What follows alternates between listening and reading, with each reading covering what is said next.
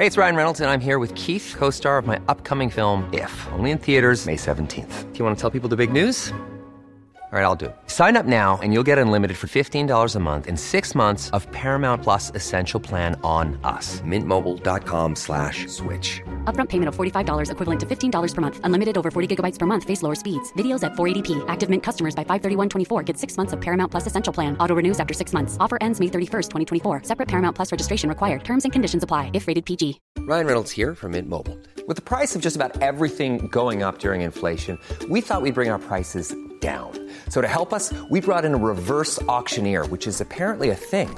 Mint Mobile unlimited premium wireless. Ready to get 30, 30, bit to get 30, bit to get 20, 20, 20, bit to get 20, 20, bit to get 15, 15, 15, 15 just 15 bucks a month. So, Give it a try at mintmobile.com slash switch. $45 upfront for three months plus taxes and fees. Promo rate for new customers for limited time. Unlimited more than 40 gigabytes per month. Slows. Full terms at mintmobile.com.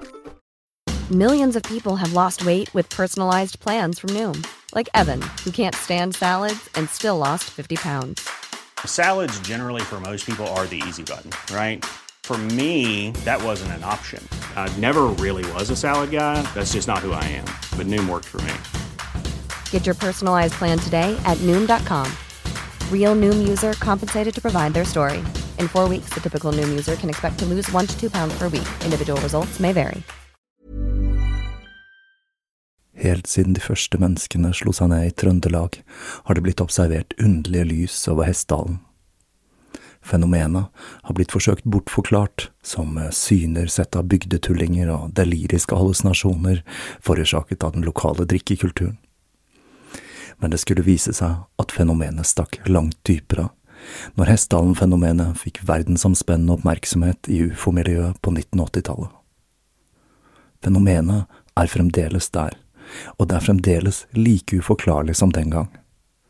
I 2024 kommer en podkastserie i seks deler, produsert av Project Hessdalen, som kanskje en gang for alle skal finne svar på hva som rører seg på himmelen i denne bortgjemte dalen i Trøndelag. Serien har som seg hør og bør fått tittelen A Blaze in the Northern Sky, og den kommer til din favorittpodkastavspiller i 2024.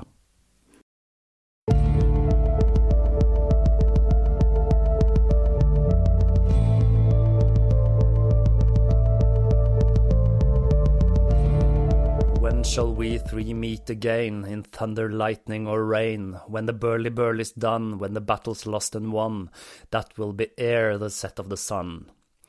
Det var altså åpningsstrofene til Macbeth av William Shakespeare og hans uforglemmelige hekser. Velkommen til Tåkeprat, episode 28. Jeg heter Even, og når jeg tar opp denne episoden, så er det da søndag den 11. juni 2017. Vi har nå kommet til den siste delen i serien om den vesteuropeiske heksekulten, og i denne episoden så skal vi se på mange av de fenomenene vi forbinder med den klassiske heksen, som hamskifte, heksesirkelen og hjelpere, men da alt sett med Murrays teori som rettesnor. Det er nesten litt synd at dette er den siste episoden i denne serien, for jeg begynner å få mer og mer sans for Murray og hennes tolkning av hekseprosessene. Det er rett og slett noe elegant med hvordan hun har gjort dette. Og da er det bare å la djevelens fløytespill lede deg inn i den siste delen av den vesteuropeiske heksekulten.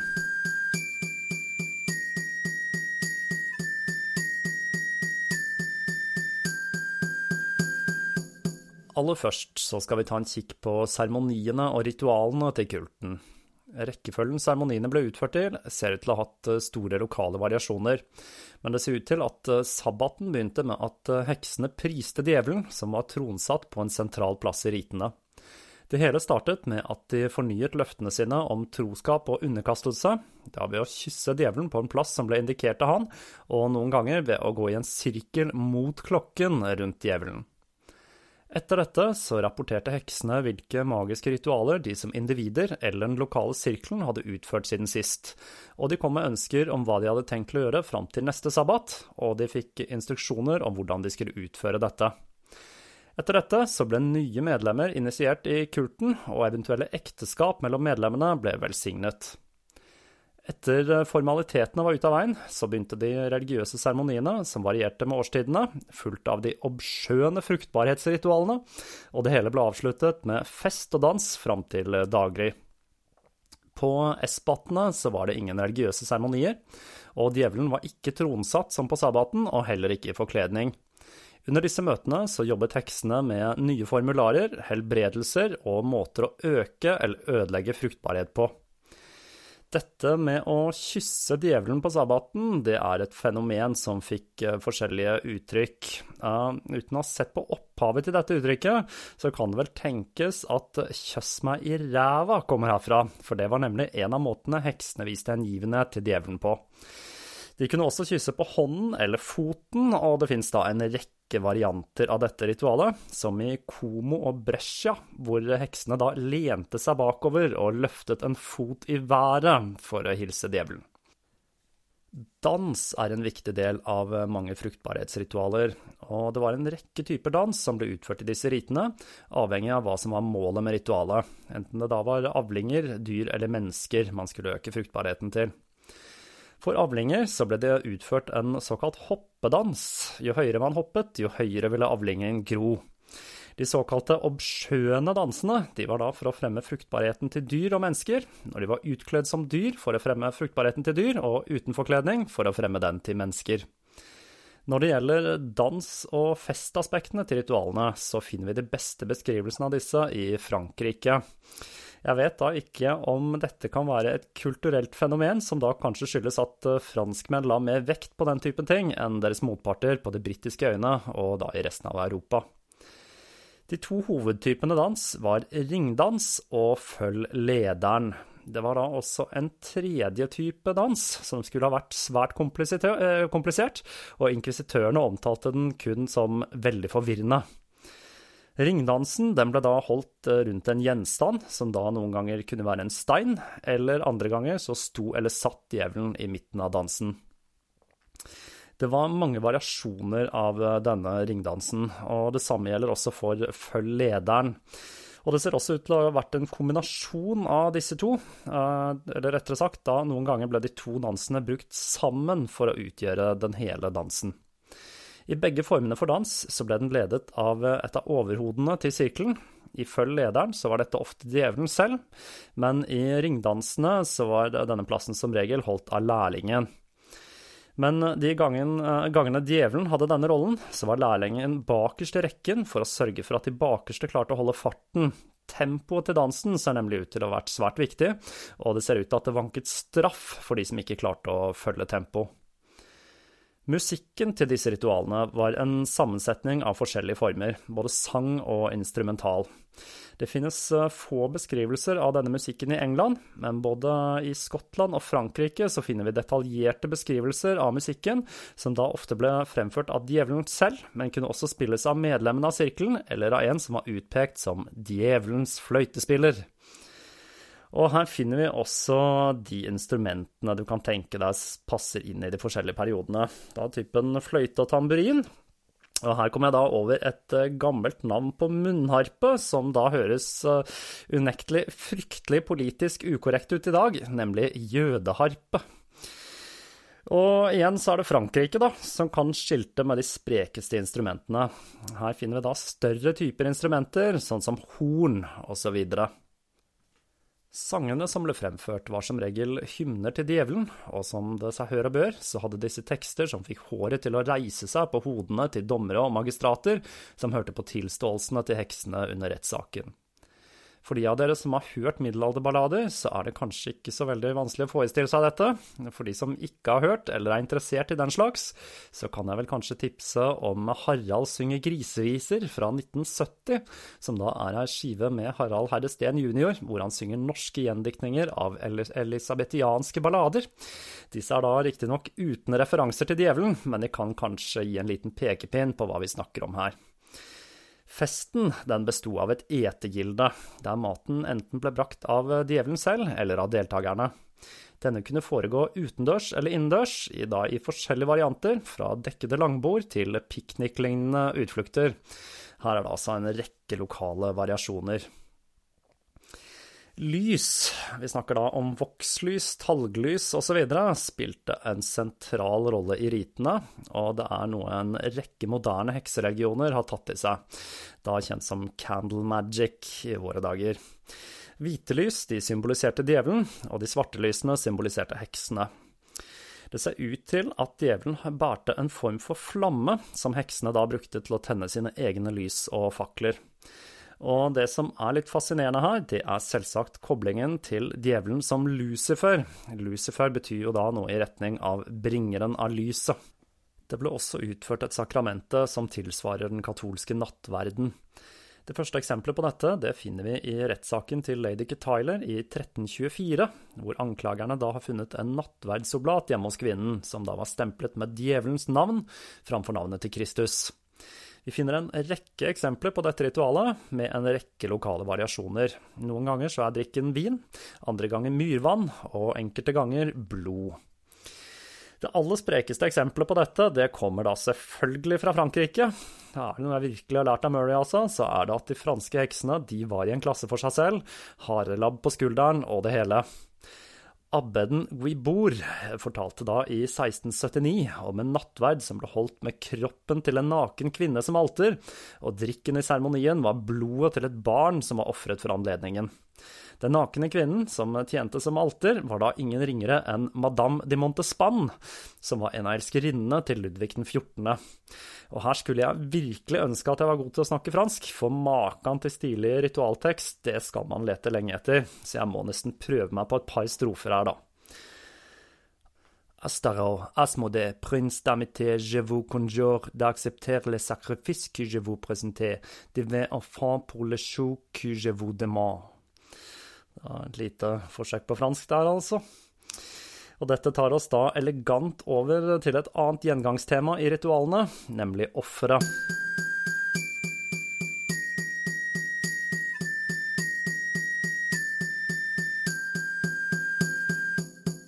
Det var fire typer offer. Det var blodoffer, der heksen ofret sitt eget blod. Dyreoffer, menneskeoffer, som da som regel var et barn, og til slutt offer av guddommen. Blodofferet ble utført av de nye medlemmene i kulten. Opprinnelig så var dette en type blodpakt, der kandidaten ga sitt blod til djevelen for å binde seg til kulten. Dette ble da senere utviklet til en underskriving av kontrakten med sitt eget blod.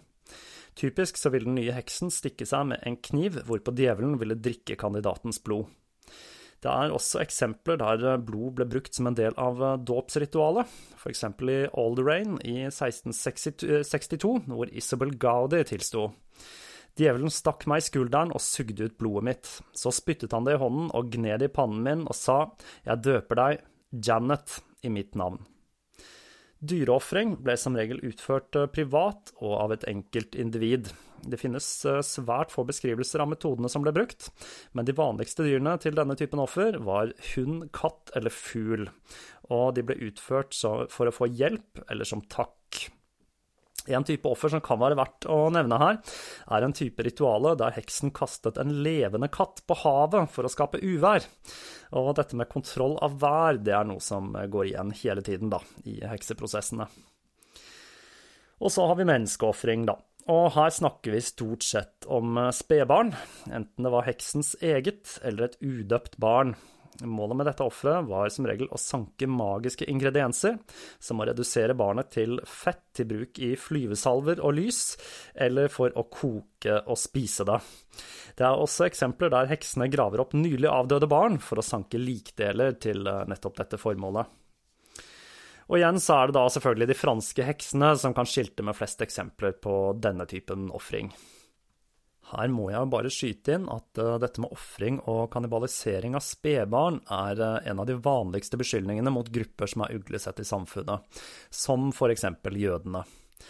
Her har vi også eksempler fra moderne tid, som i den såkalte satanic panic som spredte seg i USA på 80-tallet og senere til store deler av verden, inkludert Norge. Eller jeg burde kanskje si spesielt Norge, med tanke på framveksten av black metal på tidlig 90-tall her til lands. Folk var livredde for sataniske kulter, som annet ble beskyldt for å kidnappe og ofre barn. Den siste og kanskje mest interessante ofringen er ofringen av guddommen. I de tilfellene vi kjenner til fra det 16. og 17. århundre, så hadde denne skikken degenerert, og guddommen ble erstattet av dyret som symboliserte ham. I Frankrike så var dette da en geit. Offeret ble brent, og asken ble samlet og brukt av tilhengerne, noe som tyder på at vi har med ofringen av en fruktbarhetsgud å gjøre, og at denne asken tidligere ble brukt til å velsigne åkre, dyr eller vann. Dyresubstituttet er den siste versjonen av dette offeret. I stadiene imellom så finner vi først den frivillige, og senere den kriminelle. Hvor lang tid det tok for denne overgangen, varierte lokalt, og det gjorde også hyppigheten på ofringen. Men den som ofret, motsatte seg ikke, men gikk av egen fri vilje til sin skjebne. Murray spekulerer videre i at dette offeret henger tett sammen med brenning av heksene og spredning av asken. Siden hekseforfølgelsene gjorde det vanskelig å skjule denne typen ofring, så var den offentlige heksebrenningen en måte å gjennomføre dette ritualet på rett foran nesa på inkvisisjonen. For som jeg har vært inne på tidligere, så var brenningen av hekser svært utbredt, enten heksen ble drept først eller ikke. Og dette er da enda en av de artige tvistene til Murray, altså. Alle disse ritualene de peker på at vi har med en fruktbarhetskult å gjøre. Dette var noe også skriverne i samtiden bekrefter. Selv om de fleste fruktbarhetsritualene utført av heksene i middelalderen var for å påvirke fruktbarheten i sin umiddelbare nærhet, enten da positivt eller negativt, så er det nok bevist for å kunne slå fast at disse ritualene opprinnelig var til for å øke den generelle fruktbarheten til samfunnet. I ritualer der den generelle fruktbarheten til kulten skulle økes, så var alle medlemmene fra distriktet til stede, men i ritualer hvor fruktbarheten til et enkelt individ, dyr eller åker skulle økes, så ble den utført av én enkelt heks, eller maksimalt to.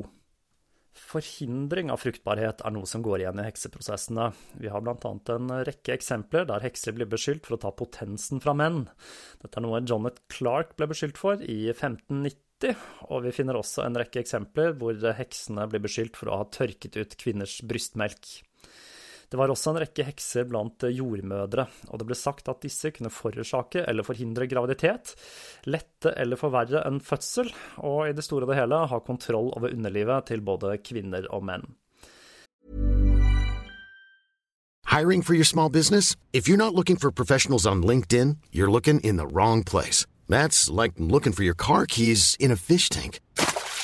LinkedIn helps you hire professionals you can't find anywhere else, even those who aren't actively searching for a new job but might be open to the perfect role. In a given month, over 70% of LinkedIn users don't even visit other leading job sites. So start looking in the right place. With LinkedIn, you can hire professionals like a professional. Post your free job on linkedin.com slash people today. If you thought the only way to get a more defined jawline with natural-looking results was through surgery, think again. Juvederm Volux XC is a non-surgical injectable gel filler that improves moderate to severe loss of jawline definition and can help you achieve natural-looking results with little downtime. Even better, this improved definition lasts up to one year with optimal treatment. No maintenance required. Improve jawline definition for a smooth, sculpted look with Juvederm Volux XC. For important safety information and to find a licensed specialist, visit juvederm.com. That's J U V E D E R M.com. Not for people with severe allergic reactions, allergies to lidocaine, or the proteins used in Juvederm. Common side effects include injection site redness, swelling, pain, tenderness, firmness, lumps, bumps, bruising, discoloration, or itching. There's a risk of unintentional injection into a blood vessel, which can cause vision abnormalities, blindness, stroke, temporary scabs, or scarring. Talk to a licensed specialist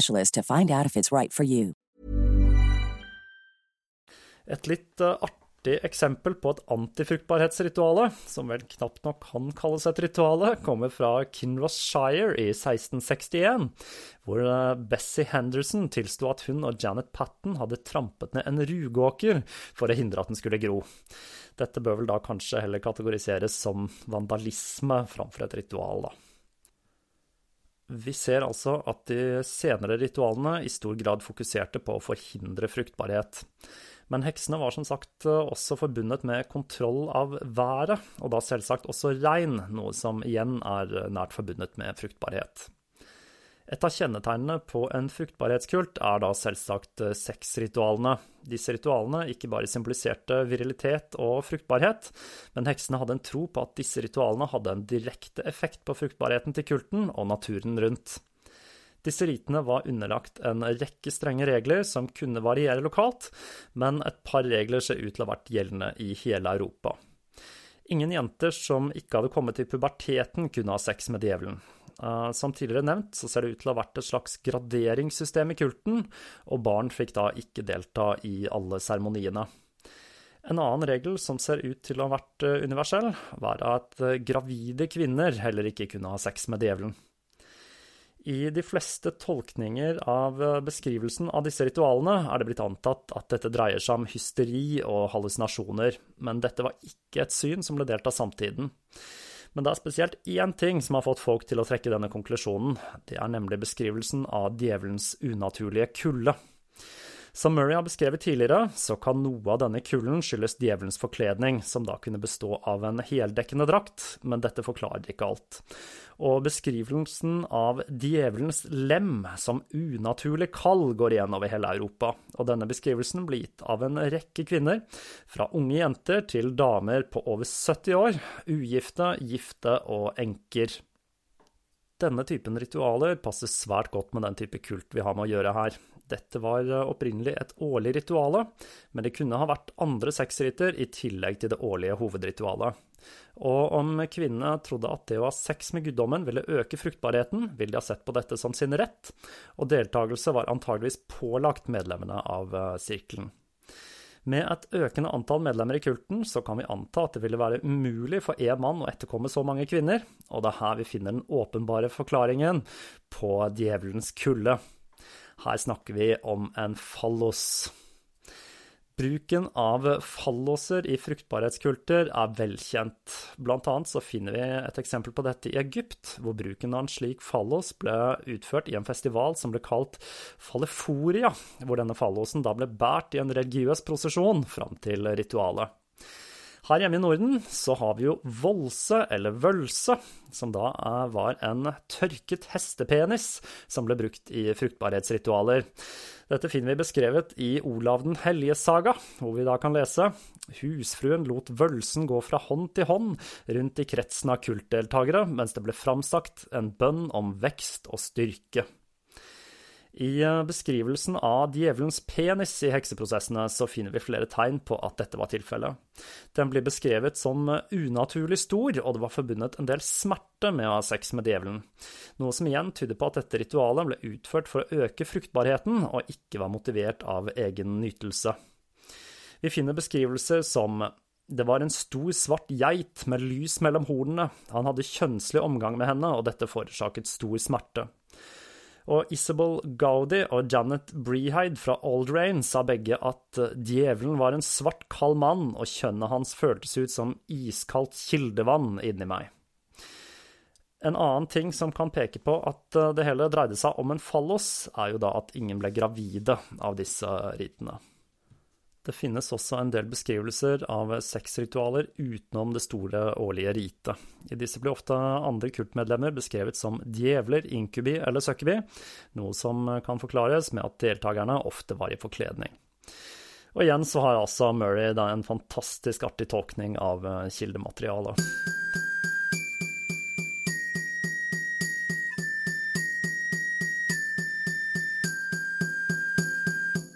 Kulten var svært godt organisert. Den øverste lederen for distriktet var altså djevelen. Under han så fant vi én eller to offiserer, avhengig av størrelsen til distriktet. Disse var ansvarlige for å arrangere møter, sende ut beskjeder, bokføring, praktiske gjøremål og introduksjon av nye medlemmer. Disse offiserene så etter personer som kunne være egnet for kulten, og snakket enten med disse selv eller rapporterte til djevelen. De kunne også ta djevelens plass i esbatene, og disse personene var da lederne i sine egne sirkler og ble ofte omtalt som djevler eller ånder, men de hadde da en langt lavere status enn djevelen selv. Det kan tyde på at denne offiseren kunne bli utpekt som arvtaker til djevelen om han skulle dø. I enkelte tilfeller så utpekte også djevelen en personlig assistent som oppvartet han, men denne personen ser ikke ut til å ha hatt en høy status i kulten utover dette. En sirkel besto av en gruppe hekser fra ett distrikt. Jeg har da valgt å bruke det gode norske ordet sirkel framfor coven, som man da også kan bruke på norsk. Ordet coven det kommer da fra convene, altså å samles, og er betegnelsen man bruker om en gruppe hekser som praktiserer rituell heksekunst. Sirkelen besto av en gruppe kvinner og menn fra ett distrikt, og var ledet av en offiser som fikk ordre fra djevelen. Medlemmene måtte møtes ukentlig i en esbat, og det var de som utførte kultens riter. Andre innbyggere i landsbyen kunne delta i disse møtene, men deltok ikke nødvendigvis i ritualene.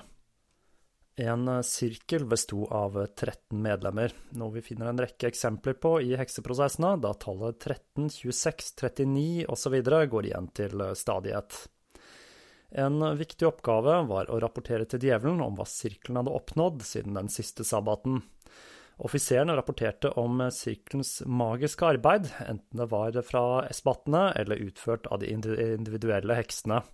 Disse rapportene ble da skrevet i Djevelens bok. En eh, slik bok ble en gang eh, tatt fra en djevel, den sagnomsuste Red Book of Appin. Det verserer eh, to historier om hvordan denne ble tatt fra djevelen, men begge indikerer at det var med lureri. Dette manuskriptet inneholdt en rekke formularer for å helbrede kyr, og det skulle gi eieren magiske evner, og ville gjøre at han kunne vite om hva som ville bli spurt han før spørsmålet ble stilt. Boken skulle ha vært så mettet av magi at den som eh, skulle lese i den, måtte ha en jernring på hodet som beskyttelse. Og denne boka den ser da faktisk ut til å ha eksistert, men den ble tapt for mer enn 100 år siden. Det verserer da en fake utgave av denne på nett i dag, men eh, det er altså ikke den originale Red Book of Appin. Denne rapporteringen til djevelen førte også til at han hadde inngående kjennskap til alt som foregikk i regionen, noe som kunne virke mirakuløst for uinnvidde. Dette høres unektelig ut som hot reading av den typen Jim Jones pleide å utøve. Det vanket også straff om man forbrøt seg mot kulten, som eksempel ved å ikke delta på møter, røpe identiteten til medlemmer til utenforstående, eller ligge på latsiden med praksisen sin. Den vanligste formen for straff, det var slag, men det fins også eksempler på dødsstraff, da gjerne ved hengning eller kveling. Heksens hjelpere er også et gjennomgående fenomen i hekseprosessene. Disse har også blitt brukt for å underbygge teorien om at heksene led av en form for hysteri eller hallusinasjoner. Vi kan eh, dele hjelperne i to kategorier. De heksene påkalte i ritualer, magiske hjelpere, og de som utførte heksenes ærend, hjelpere som husdyr. Den rituelle hjelperen er et dyr eller en skapning som dukker opp i forbindelse med magiske seremonier. Djevelen ga heksen et åndedyr som representerte han i ritualene, noe som forklarer hvorfor heksene ofte omtalte denne hjelperen som djevelen. Dette dyret, eller skapningen, ble brukt til å forutsi fremtiden, eller for å finne ut om en person var forhekset. Eksempler på denne typen hjelper er hund, hest og hane. Den andre typen hjelper er den typen heksen hadde som husdyr, og som utførte heksens ærend. Dette var alltid et lite dyr eller en skapning, som heksen da gjerne matet med melk og blod, og det kunne være eksempel en katt, røyskatt, padder eller mus. Disse blir da ofte referert til som smådjevler, eller imps. Og for de som er kjent med Terry Pratchett, så er jo bruken av disse smådjevlene svært kjent, blant annet i hans eh, da fantastiske versjon av et polaroidkamera, der en fysisk smådjevel maler bildene inne i kameraet. Og det gir meg da også assosiasjoner til Heksens hjelper i eh, Dreams in the Witch House av HP Lovecraft, hvor da hovedpersonen blir konfrontert med en skapning med rottekropp og menneskeansikt. Det var fire måter en heks kunne skaffe seg en hjelper. Det kunne være en gave fra djevelen. Dette gjelder da begge kategoriene hjelpere. Når det gjaldt de rituelle hjelperne, så ble heksen gitt en kategori dyr, som eksempel hund, framfor et spesifikt individ. Når hjelperen var i husdyrkategorien, så ble heksen gitt denne fysisk, med instruksjoner om hvordan den skulle mates, osv. Og, så og noen ganger ble dette dyret omtalt som djevelen, eller kalt en smådjevel. Hjelperen kunne være en gave fra en annen heks, dette var da alltid en hjelper i husdyrkategorien. Hjelperen kunne også arves, vi finner mange eksempler der hjelpere går i arv i flere generasjoner, dette var da også alltid en hjelper i husdyrkategorien. Den siste metoden er anskaffelse av en hjelper med magi. Dette ritualet ser ut til å bestå av å delta i en kristen nattverd, men å kun late som om man spiser oblaten, for så å ta med seg denne til en korsvei eller gå rundt kirken med oblaten et bestemt antall ganger. Hvorpå dyret ville åpenbare seg, og heksen ville gi den stjålede oblaten til dyret, som så ble bundet til heksen. Dette høres da veldig ut som en typisk eh, svartebokoppskrift, spør du meg. Et annet viktig aspekt ved heksene var evnen til å skifte form, da gjerne til en hare eller katt, men vi har også eksempler på andre dyr, som hund, mus, kråke og bie. Denne troen ser ut til å være nært tilknyttet tilbedelsen av hellige dyr, hvor da utøveren skifter form ved å ikle seg huden til dyret, og ved å ytre magiske formularer, magiske tegn, med hellige gjenstander eller med magiske seremonier. Djevelen kunne da også skifte form, men i langt større grad enn heksene selv. Det er mye som eh, tyder på at vi snakker om et rituelt skifte av form. Vi vet at heksene ofte var i forkledning under ritualene, og i en stor del av historien om hamskiftet så er det nok denne rituelle forkledningen og heksenes evne til å forandre form i de troendes øyne vi snakker om. Vi finner en rekke beskrivelser av ritualer der deltakerne blir beskrevet som harer, katter osv. Men det er vel også verdt å merke seg at heksene, som andre i samtiden, trodde at enkelte dyr de så i naturen, var mennesker i dyreham. I hekseprosessene i Alderain fortalte Isabel Gaudi om hvordan hun skiftet form til hareham med følgende formular. I shall go until on hair with sorrow and suck and mickle care, and I shall go in the devil's name, I will I come home again.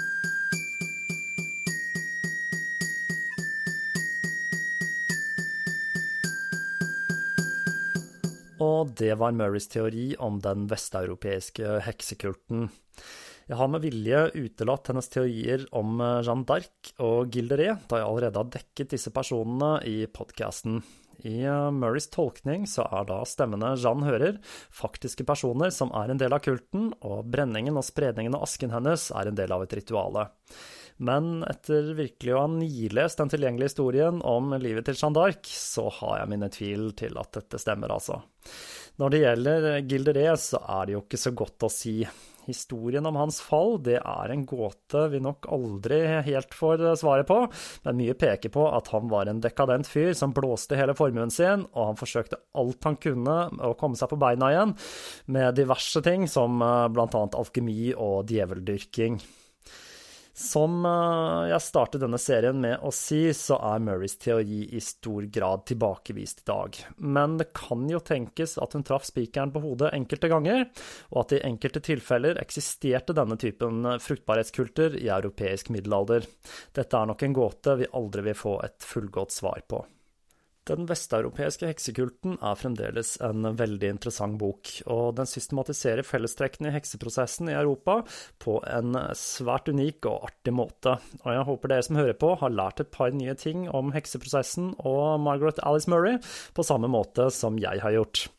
Om det er én ting jeg tar med meg fra denne serien, så er det at de friskeste heksene de fant vi i Frankrike. Da med den heftigste musikken, med blåsere og det hele. Djevelen med geitemaske, nakne damer som altere, menneskeofring og utstrakt bruk av kostymer i rituelle orger, og det hele høres ut som en Hammerfilm med Christopher Lee for meg, altså. Jeg kan love mer hekseri her i Tåkeprat framover. Jeg har eh, faktisk en serie om akkurat dette temaet planlagt om ikke så altfor lenge. Men i neste episode av Tåkeprat så skal jeg skifte tematikk når jeg begynner på en serie om et relativt ukjent og tabubelagt tema. Jeg har nemlig tatt en kikk på kvinnene som bidro til tilblivelsen og ekspanderingen av Det tredje riket. Dette er en historie som er like fascinerende som den er grusom, og jeg både gleder meg og gruer meg til å gyve løs på dette temaet. Fram til neste episode så gjenstår det da bare å si Sankti Beketur nomen tum. Amen.